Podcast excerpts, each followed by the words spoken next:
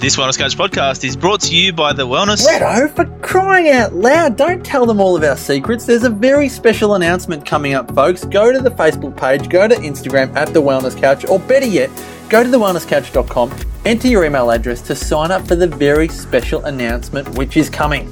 Ah, you're killing me, Marcus.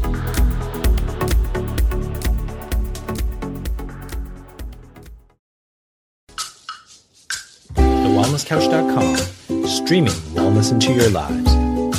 Welcome to Nourishing the Mother, featuring your hosts Bridget Wood and Julie Tenner.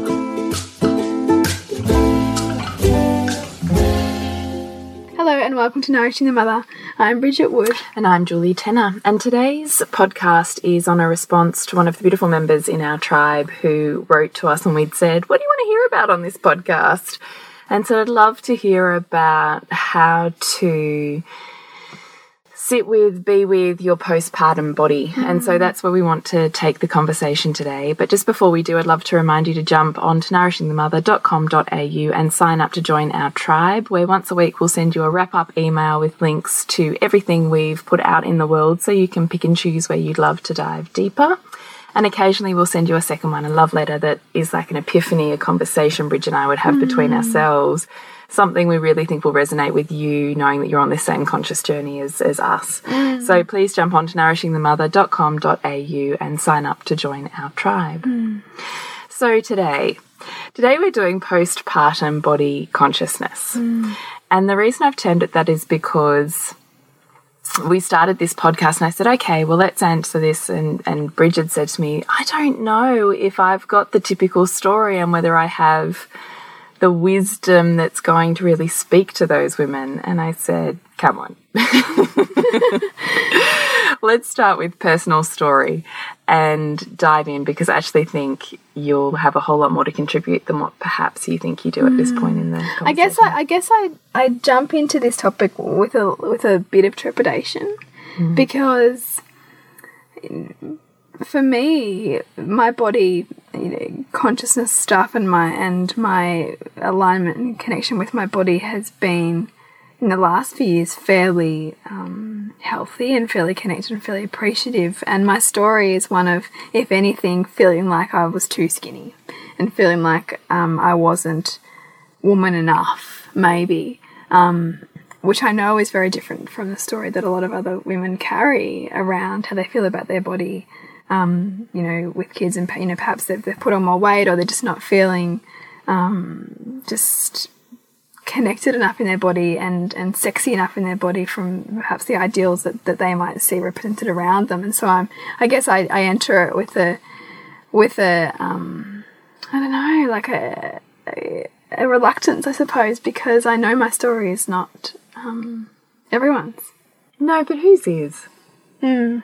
So let's just start there because I'm actually really interested in. I know, you know, we, we've talked a lot in previous podcasts around your infertility journey. yeah And that largely a, a, a portion of that was reconnecting with your feminine mm. and with your, you know, feminine essence and sensual side mm. and the the fertility aspect of the feminine really isn't it the embodiment of of the roundness and the fact that you had enjoyed being you know round and I love that almost swollen in this, you know, fertile goddess kind of manifestation, and that was a, mm. a real source of joy for, for you. me. Yeah, absolutely. And I think, particularly with my first pregnancy, that was when I felt the most womanly I'd ever had in my life because, you know, like I used to get teased for having chicken legs and like, you know, like really not having any boobs and just really not feeling particularly womanly in the, you know, stereotypical way. So for me, pregnancy was also a real way to come into my own in, in terms of body image as a as a as a voluptuous woman, I suppose. Um, so you enjoyed the the weight put on or Yeah. the roundness, that came with it. yeah, that came with it. Yeah, I really did, and I think also part of the the fertility that, that is represented in simply being a pregnant woman, right? And and then the the the pinnacle of kind of this this celebration of womanhood in your ability to carry a child was, was really profound for me. Um, and I guess my, my story around how I feel about my postpartum body, particularly this time, is is probably my stomach, but from the perspective of of it, like I've got a belly button that you can like see through clothes. Because you had a hernia. Yeah. So you had a you developed a hernia during and and it's not inguinal, what do you call it? oh, it's a um, abdominal hernia. Abdominal. Yeah, hernia. so it's like pushing my belly button out, and I'd already had an outie, so it's like pushed it even more out. Um, and I've still got like maybe a one or two finger separation. Do you still have a large because you had like a seven Yeah, Finger the, separation. Yeah, like the midwife was like, "Oh my god, I've got to show the other midwife." Like they'd never seen one as big as my se- as big as mine. So it's come back in a lot, Yeah. but it's still there. So I'm still working a lot on that. But because of that, that means that my core is not that st strong, and so that I can look about five months pregnant all the time, particularly because I'm quite, um, you know, thin out uh, in other ways. So it kind of looks like I'm pregnant again in some ways if I'm not kind of sucking my stomach in. and how do you feel about that? Well, I haven't given it a lot of thought in terms of people's perception of me being pregnant again, but rather just how do I feel about it in my own body that that it, that it's there and that there's kind of for me still healing that's happening that doesn't seem to be happening as quick as I would like it to. Um, I think if if someone asked if I was pregnant, I'd be quite happy to have the conversation about, oh, well, did you know what happens with women's bodies? Is actually they don't go back to the way they were sometimes, believe it or not. Oh man, I've got a killer story for you. I do? one. Yeah. I was um I coach my daughter's basketball team and it's a mix of top age and bottom age girls. Yeah. And the top age girls are in the same class as my son, but there's um I don't know what the PC word is. Don't use More sexually one. advanced Okay. girls Okay. than where I would say either of my children are at. Yeah, Just to kind of paint the picture. yeah, yeah. I can, I can. I'm, I'm picking it up. So I'm still coaching postpartum, right? So I just used to chuck her in the sling. Oh, I still do. Chuck her in the sling. and I'm on the basketball court running drills and whatever. And um, same deal. My core hasn't gone back yet, and I've still got that kind of squishy tummy thing Yeah, going on. yeah. And um, like, I haven't even got enough abs there to actually suck my tummy in. So even if I wanted to, yeah, I happening. couldn't. Like it just is, you know. And um, she, one of the girls, turned around to me and goes, "Oh, Julie, you still look like you're pregnant." what do you say to that? Well, I literally felt like I had this conniption for a moment where I'm like a cartoon in my own head going, just shut the fuck up like this. And then on the outside, I'm going, well, you know what happens with women's bodies? And on the inside, yeah, I'm yeah, going, just, bitch. yeah, cage your inner teenager, Julie. and that's where I was. So I was like, I went with, well, you know, when you have a baby, your body stretches so far and it's got to come all the way back in blah, blah, blah, blah, blah. Yeah. And then one of the other girls whose mum had just had a baby goes, Oh, not my mum. Her body's gone straight back to normal. Right in the guts. I went, mm-hmm. Run.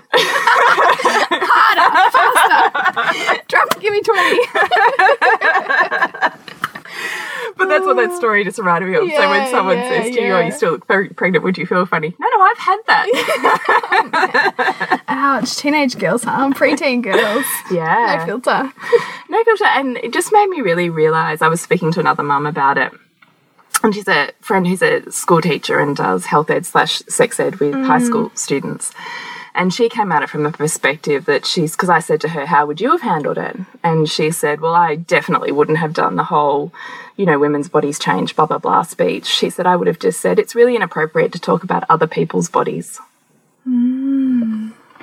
And I thought, why didn't I think of that? Hmm. Of course it is, because it's not o- like we've got to teach these Yeah. children that it's not okay to put out there your thoughts on someone else's mm, body. Mm. It's true. I mean, it's even if it's your three year old and that's kind of what you expect. But when they're saying that when they're 10 or 11 or 12, Yeah, that, that is absolutely a moment for education, isn't it? yeah, Yeah. An education in the kind of pull your head in. yeah, yeah, angle. yeah. Anyway, mm. I just thought that that story actually, I don't even know why it's relevant to this podcast. But it is, But it, I mean, it, it still is because because ultimately, and this is where the conversation is going to go.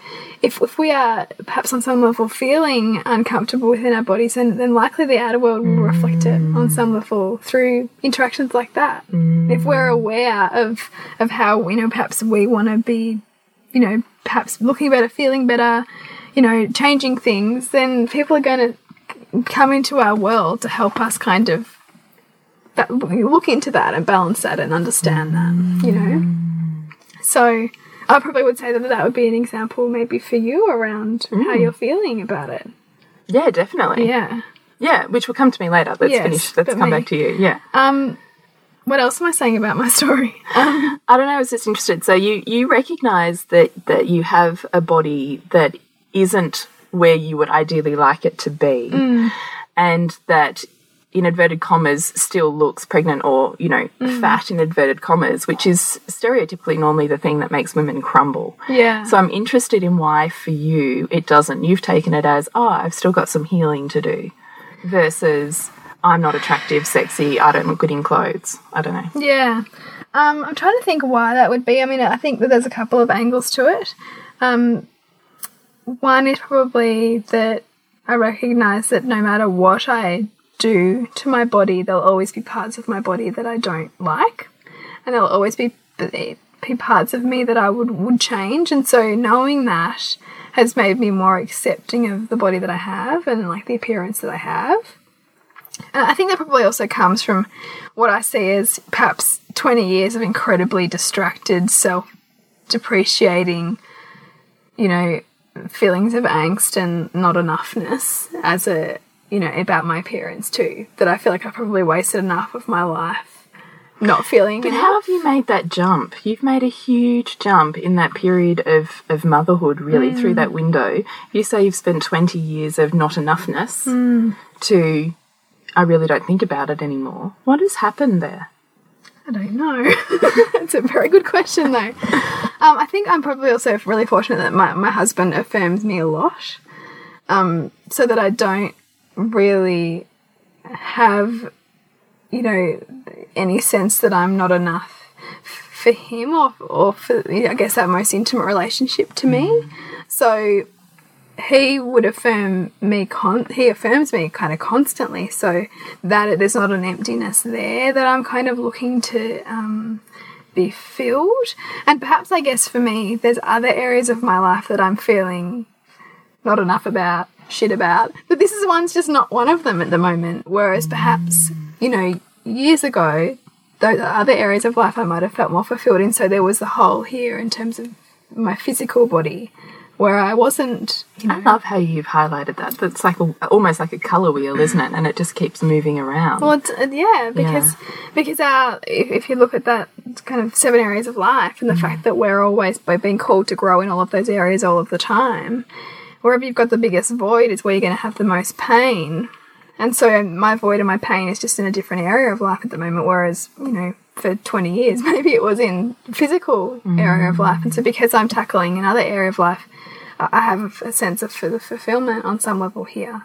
And I also recognize that if it was super, super important to me to, you know, get my stomach really super awesome, then I'd be doing some more about it. But I'm not doing a lot about it. Like, I, so I go to Pilates once a week if I can be bothered. You know, mm. like it's, I, I don't if the value was higher, you would be more actively creating the time. exactly. Yeah. you know so i think it requires a little bit of self-reflection around okay if i have a pain here what am i doing to address that and if i'm not doing anything why am i being stuck in this victim story around it like why am i letting it mm.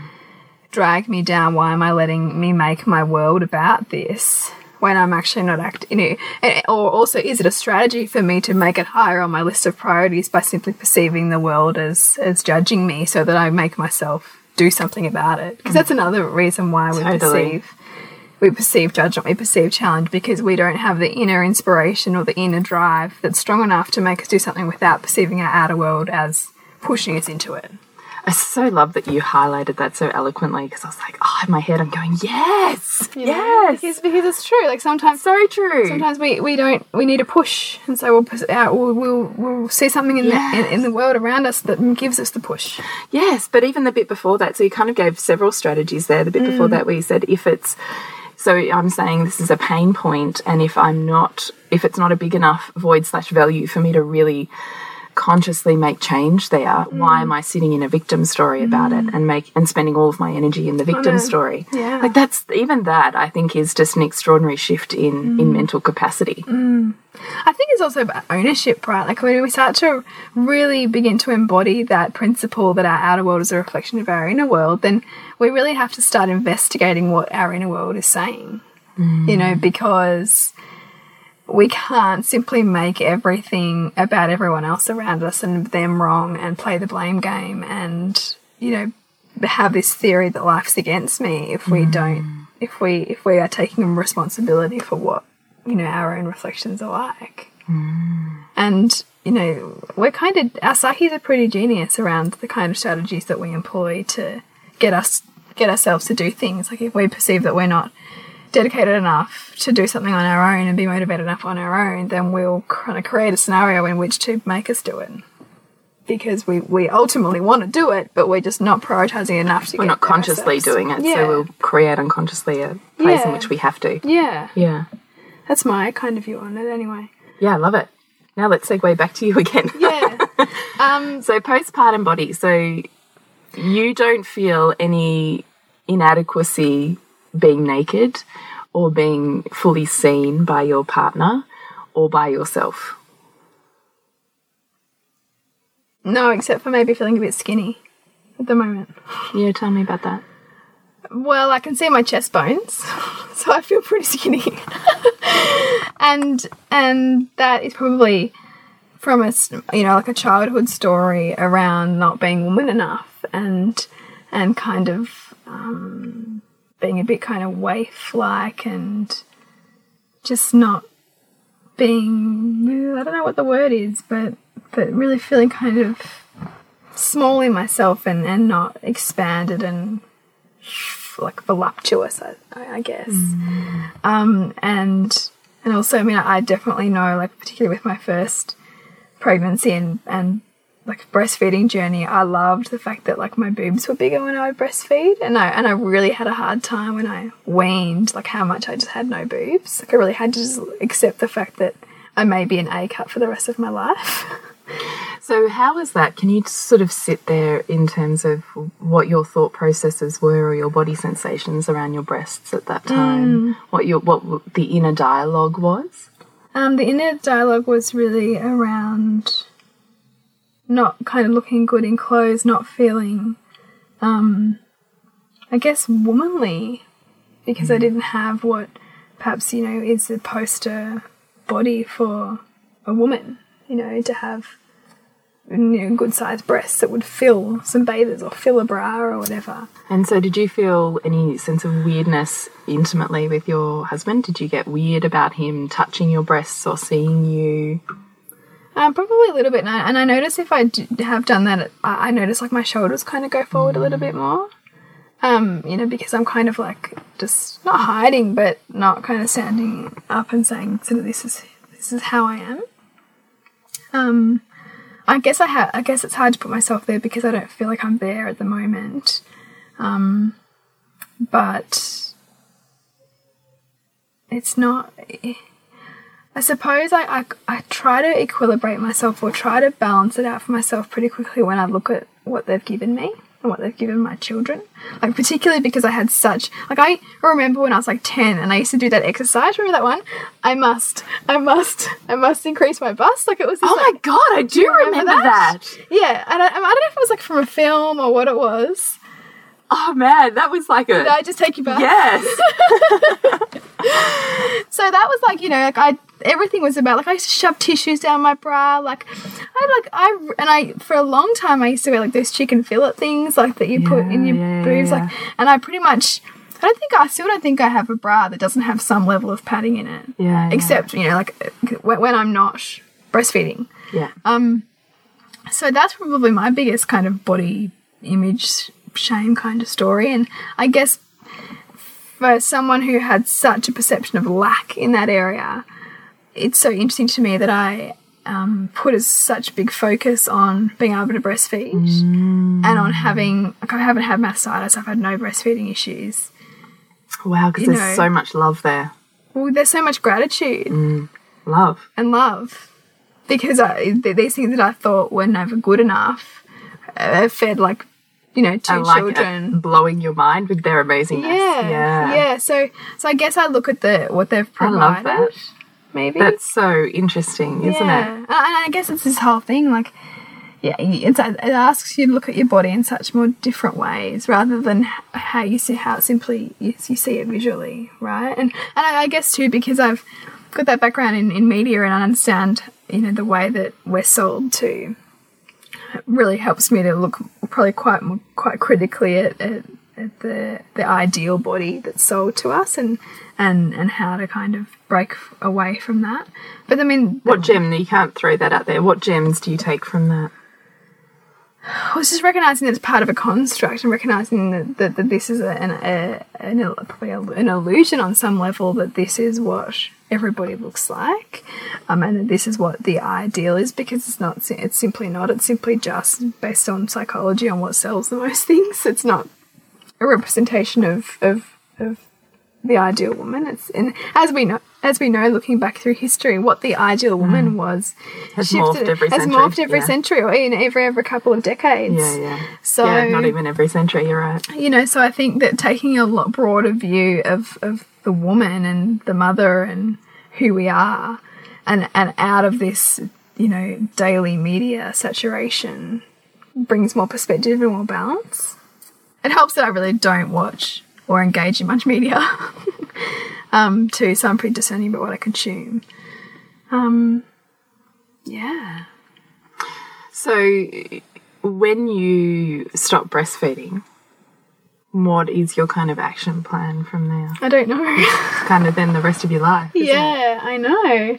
And it's funny because I hear people talk about like getting a boob job and this, that, and the other, and and and that's not what I want to do because I, I believe like I have this body and this is the body I've been given, and and my task is to love more of this body, not to have to change this body. Um, Why do you think that's your task? I do, well, for for a couple of reasons. I don't feel that comfortable like going under the knife for something cosmetic. Um, and I guess I know that even if I changed my body or, or got boobs or whatever it was, there'd be something else that I'd then focus on that I felt like wasn't enough. Because that never goes away. Like we're always liking and disliking parts of ourselves. It just mm. shifts and changes. And on the topic of, of plastic surgery, there's upkeep with it. It's not like you get it done once and that's Yeah, it. you have to like get them put like get them. Boob, boob jobs have a 10 year lifespan. Yeah, wow, Every 10 years. that's expensive and like really invasive. Don't get me wrong. Like I admire women, you know, who have these perfect boob jobs and think, "Fuck, you look hot," but it's just, it's just not for me. It's just not something that I can, that I think I could do. Um. So yeah, you're right. There's going to be a level of acceptance work that's going to have to happen for me around my completely postpartum body and being okay with, you know, not having many much boobs. What advice would you have for friends that came to you and said, I just hate my body and I don't want to be naked in front of my husband and I think I look terrible? Mm. a hug mm. first.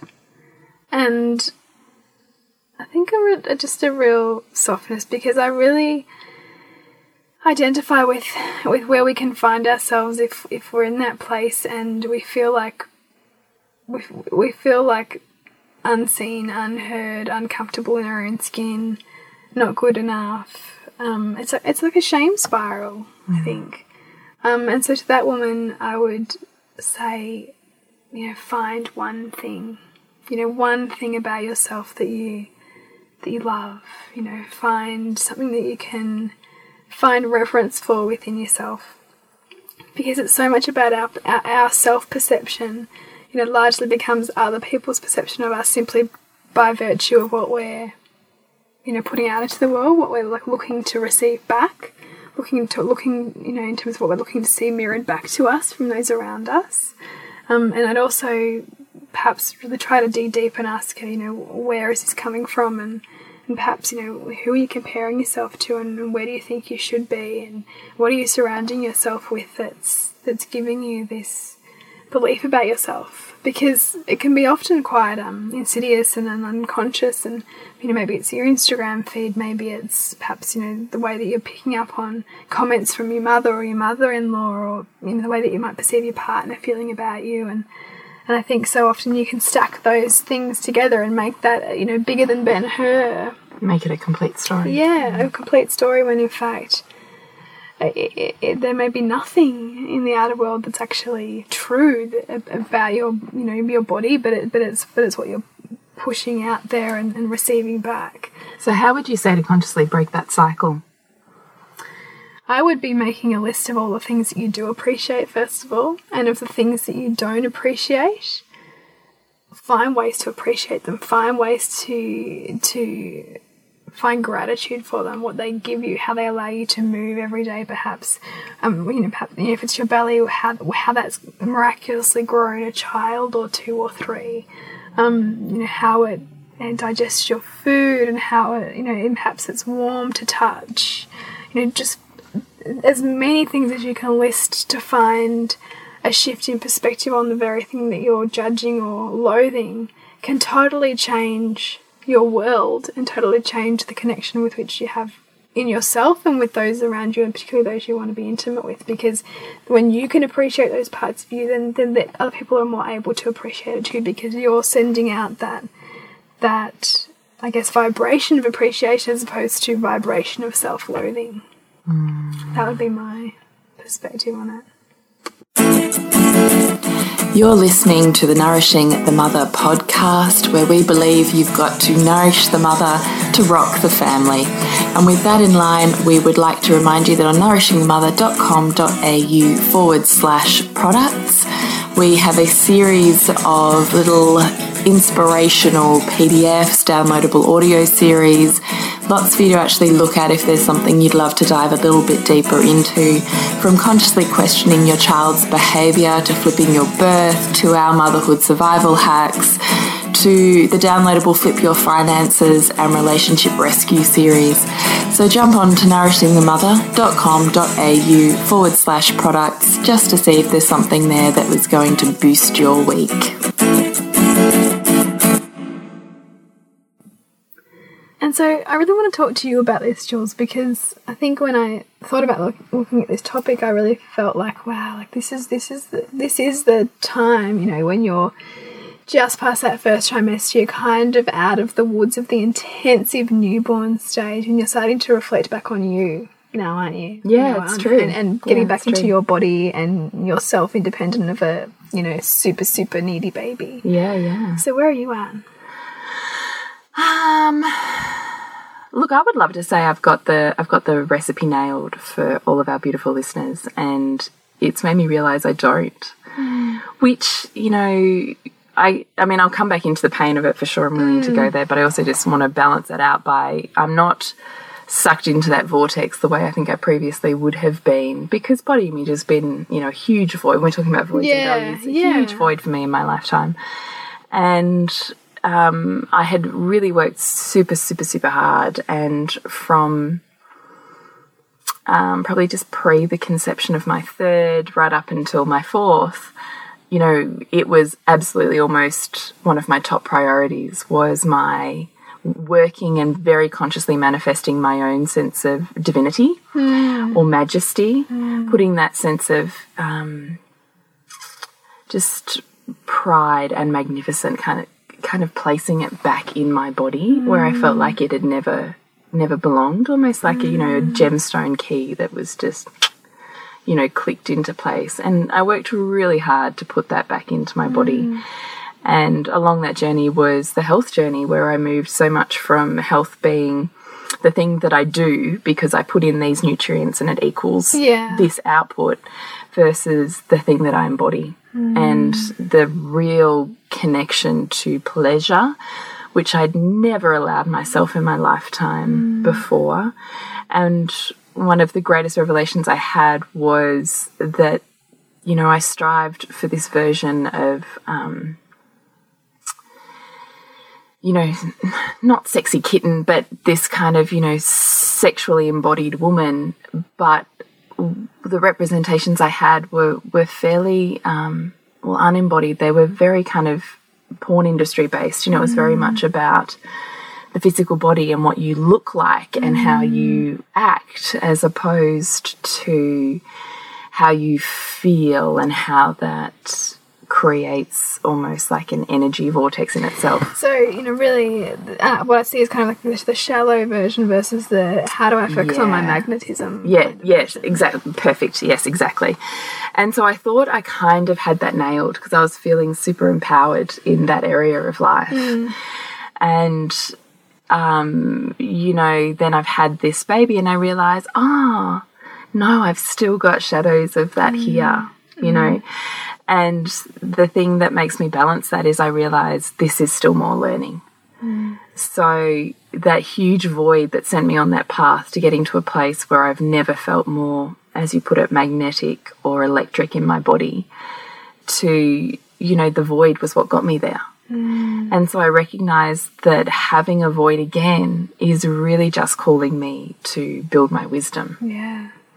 And in building my wisdom, I then have a greater body of knowledge to put out in the world as service to other women mm. because that's, you know, that's part of my And also, being. as a mother of three girls, Yeah, absolutely. Absolutely. So, you know, whilst I sit with, look, I've got some issues right now, I'm also at the same time, I totally understand and therefore don't feel controlled by it. Mm. That this is still serving me. I love that because that's, you know, when, when you think about so much of our human nature is to run away from pain and look for ways to avoiding avoid it. This is really speaks to about sink, sinking into it and seeing it, that there's wisdom there, even if you haven't quite got it yet. Yes, exactly. So being being willing to bathe in it. Yes. And that's kind of where I find myself. Hmm. And what that provides is is so I'm not stuck in a downward shame spiral. Hmm. And because I'm not stuck in a downward sh shame spiral, I can be vulnerable. I can continue to show up. Mm. And I can continue to have conversations with myself and those most intimate to me that allow me to continue to crack crack that nut. Mm. As opposed to shame which keeps it all hidden and secretive and just buries deeper and deeper and bigger and bigger. Mm-hmm. So I also think that's a huge gift by recognizing the, as you say, the you know the conscious equilibrium that's in the pain. Um, so where I'm at now is um, I, I feel like I don't have abs, so I can feel that um, I've still got a, maybe a half a centimeter separation. So I had a two centimeter, I think, at the top and a one centimeter down the bottom. So, you know, slowly, slowly that's coming back together. I went and saw a um, pelvic um, physio, so I've been working on the pelvic floor. And now I'm at the point where I'm like, okay, I'm feeling strong enough now that I can jog. I still can't run, Yeah. but I can jog and be physical in my body. And as soon as I can move my body, I start to feel really good in my body again. So, you know, just playing a little bit of sport and being able to move my body beyond where I feel I'm quite kind of with the baby still.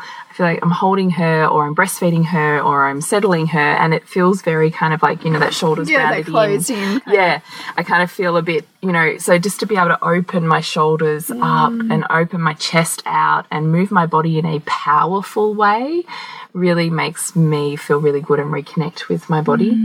So I know that physical movement is a big thing for me. And if I've missed a week or so of, of exercise, I actually really don't feel very good in my body. Yeah. And it's got nothing to do with with weight loss or kilojoules in or kilojoules out. It's simply How do you feel movement in my body. Yeah. So I recognize movement's really important.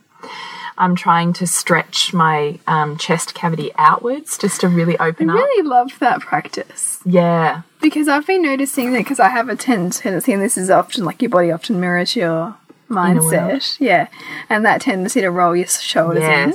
Me too. That that is so incredibly powerful just to open your chest like that and pop the shoulders back. Like it, it's just it's it's something that you like it's a representation of yourself to the world and it's also a representation of yourself to yourself around honoring yourself, I think. Yeah, I really think so too. It is definitely part of that, you know, think of the queen archetype or the Mm. goddess archetype. She's not shrunken inwards. She's this is who I am and I'm outwards. And also the part that I struggle with that that I still have to consciously work myself through with is that because I'm breastfeeding, I have much larger breasts at the moment, but they're at a point where I now don't like them. Really? Well, just that they're so big that I feel a bit like, you know, if I open up my chest space and actually stand up tall, I'm a bit like, whoa, that's a bit much. I really Like, I've always had a hard time understanding people like that because I'm always like, can you give me some? Like, No, I know. and I, but all of a sudden, I think it's just because there's lots more roundness everywhere that uh, I go like this and I go, whoa. so you almost have to like, you, you- get that angle just right then. well, I just have to really sit with myself of Yeah. that I'm just to sit where I am and be it's okay because when I do that and I go, oh man, this is like there's a lot going on here, that in my head I've automatically done the spiral of slut journey. Oh, mm. really? Which is so interesting, isn't it, to notice our thought patterns? So why mm. isn't it okay for any of us to do any one thing? Is because we'll have a belief attached to it. Totally. Yeah. And so I noticed that my belief is well, if I'm too sexual in physical representation, then I'm mm. dangerous and I'm, you know, um, what's the word, cast out from from my female friendship groups. Yes, And, you know, like yeah. I've already done that whole journey in my head, which I have attached to large breasts. yeah. Wow. So I'm really having to consciously workshop myself through just those practices. I think these small practices day to day are actually what build the, the huge changes mm. and becoming conscious of the beliefs behind them. And it doesn't help when people say stuff. Can I tell you, I was in a market. You'll love this, Bridget. Really? I was at a market on um, Sunday at, for our school, and I was breastfeeding um, my baby, and just over on the side. And this old man, it's probably our parents' age, wanders past. Can see the little legs. I was wearing a dress, so I kind of had to pull around. So I had like a muslin over her, Yeah. Yeah. just to be, you know, Bit- so I don't feel like. I've got my entire breast out in public. And um, so her little legs were out, and he goes, "Oh, oh, you're feeding. You know, I won't come over." Blah blah blah. And I said, "Oh, look, I don't, I don't really care." He goes, "Oh, you, you, you're not shy. You don't, you don't worry about it." And I said, "Mm, "No, not really." And he comes over and he goes, "Oh, you know, because some women do, and you know, some women don't think it's okay, and you know." Don't get me wrong, I love a boob. Oh gosh. oh my god. Oh my freaking god. Oh, are oh my I'm here with my boob out. And I, I this point I was like, now fuck off. Yeah. Yeah. now move away, straight It's too, man. it's too far, man. it's too far. And how's this? now I'm going to say the funniest bit because I would love to your take on this. So he said that. I've like done this. I'm absolutely stunned silence. And then he continued, well, you know, it's, I celebrate all of you women who, you know, breastfeed everywhere, but you shouldn't do it in parliament. I was disgusted when I, and he went on this like rampage. Oh I'm still revealing, reeling from the fact that, you know, we've had this boob comment. And I went, uh, I think it's okay. And I went to say, and he goes, no, no, it's not. And at that moment, my daughter had one of those epic chunks that is like oh a fire hydrant as I'm trying to hold her on my breast because I have boob man next to me. Yeah. And it's spraying out. Oh so I actually have to remove her from my breast because she's literally choking on the milk that's coming back up. So we probably got boob in the end, Bridget. Oh like, my what am I consciously gosh. creating here? Like, my oh my god. What did you call that guy in for? Jesus. No, exactly. But I have to go, this is my whole breast thing, though, isn't it? Like, yeah. it's still playing But, out. but but he's saying like he's almost you going, it's okay, but not too much. You know, Yeah, he- That's what he's saying. He's like, I'm a boob man and I like boobs and it'd be good on you for breastfeeding, but not there.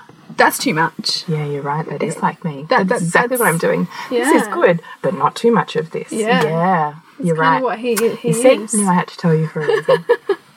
Anyway, anyway. weird guy though. oh my god! what? So you should never say that. no, no, just zip it, man. Just zip it. Zip it. Um, sorry, coming back into my body. And so the part that I still struggle with is my kind of, I have this kind of band around my sort of lower abdomen that still hasn't come back in and love handles, which when I'm breastfeeding, just like go bananas on fat storage. it's like my body just pumps itself up so it's got lots and lots of milk. Yeah, yeah. And I know my body doesn't lose it mm. until my babies are like 12 ish months and I'm not feeding as much. And then all of a sudden it just mm. disappears. Yeah.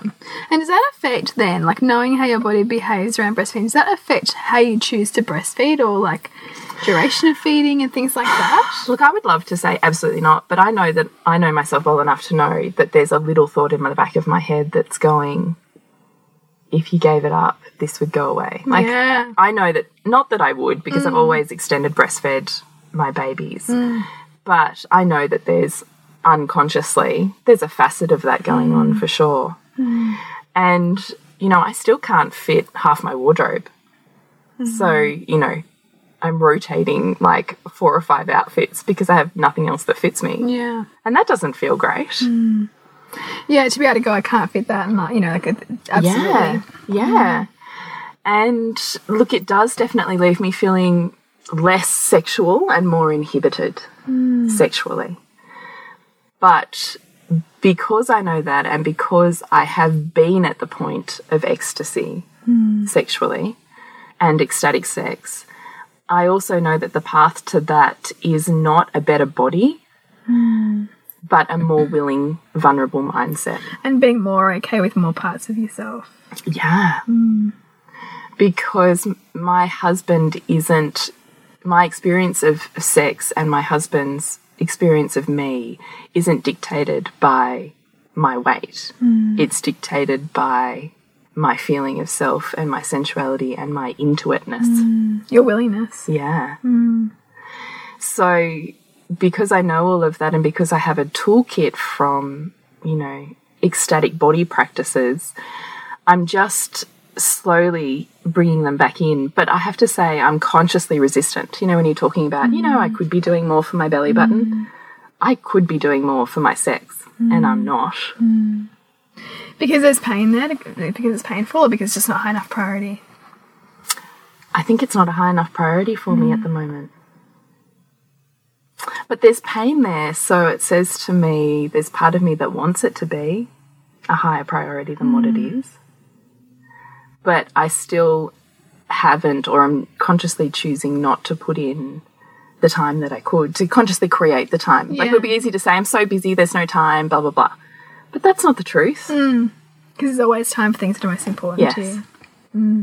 And there's definitely, I have all of the tools in my head for coming back into my body and for putting love back into my cells and areas of my body that I'm struggling with and, you know, mm. gratitude. I have all of those as a toolkit, mm. but I'm not employing them. So I kind of, at the moment, I'm sitting with, why are you not? Mm. So again, I'm in, I'm in question with myself. And I think it's really that. okay to be there in question with yourself. And I think that probably helps, you know, so many of our listeners, I think, identify with that in themselves too, because, you know, it's like where we find ourselves in the dynamics that we have with our children or with our partner or, or in intimacy is, is we can, we know the rub is there, but there's like a resistance to going there. Mm. And it's a question of why that is. Yes. What's more important to us? What are we not wanting to see and feel or do or have Exactly. in relationship to those things? That's exactly what it is. Mm. And, you know, leaning into the resistance is where the growth is. Hmm. But if we lean in too quickly, I think sometimes it can be a case of, you know, one step forward, two steps back. Hmm.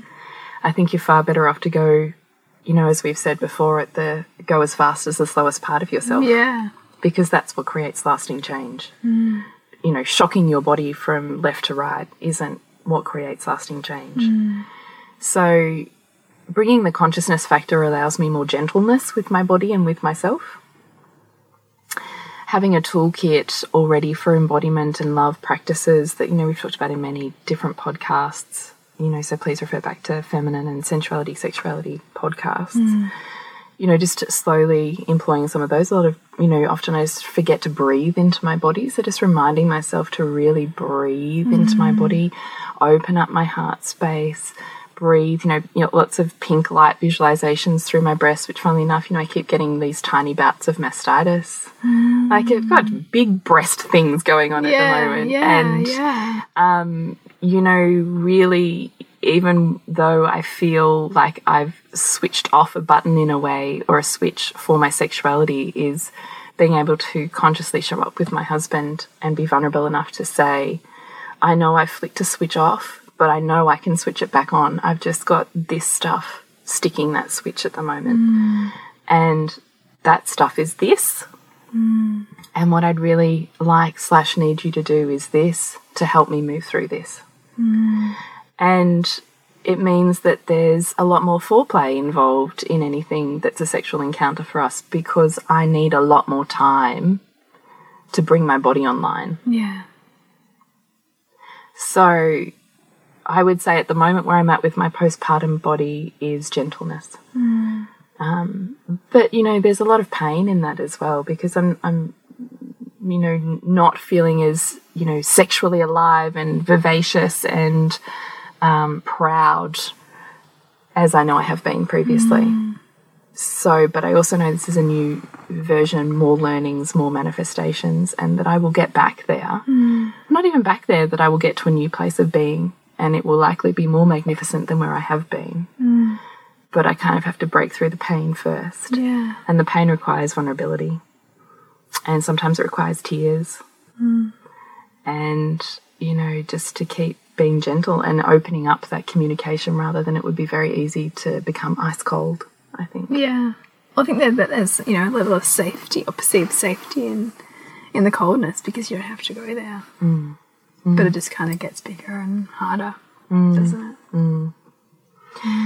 So, you know, that's a lot of personal story. If you would love us to answer a specific question of yours, we'd really love to hear it because it's certainly much easier for us to talk about a question than it is just to kind of conceptualize a topic on our own. And we really want to be super relevant to where, you know, the mums are finding themselves Yeah, because that's right. you know, we want to be the place for those conversations to happen. Yeah, that's right.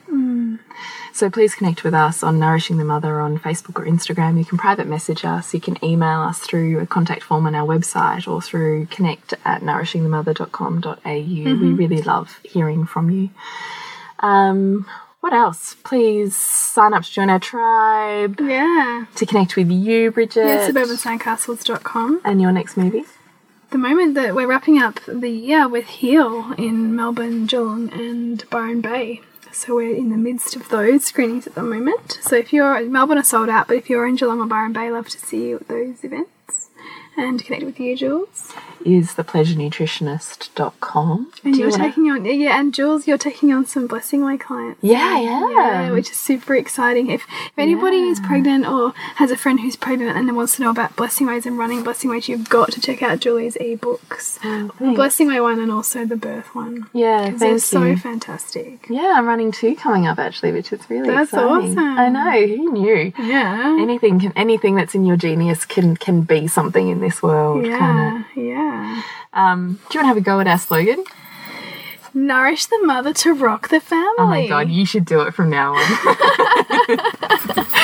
so thank you so much for listening and tuning in and we love your feedback so please keep interacting with us it really helps us know where you'd love us to take this conversation and we'll see you next week when we continue to peel back the layers on your mothering journey This has been a production of TheWellnessCouch.com. Check us out on Facebook and join in the conversation on Facebook.com forward slash The Wellness Couch. Subscribe to each show on iTunes and check us out on Twitter. The Wellness Couch, streaming wellness into your lives. Whilst the Wellness Couch presenter endeavor to provide accurate and helpful information to their listeners, these podcasts cannot take into account individual circumstances and are not intended to be a substitute for health and medical advice from a qualified health professional. You should always seek the advice of a qualified health professional before acting on any of the information provided by any of the Wellness Couch podcasts.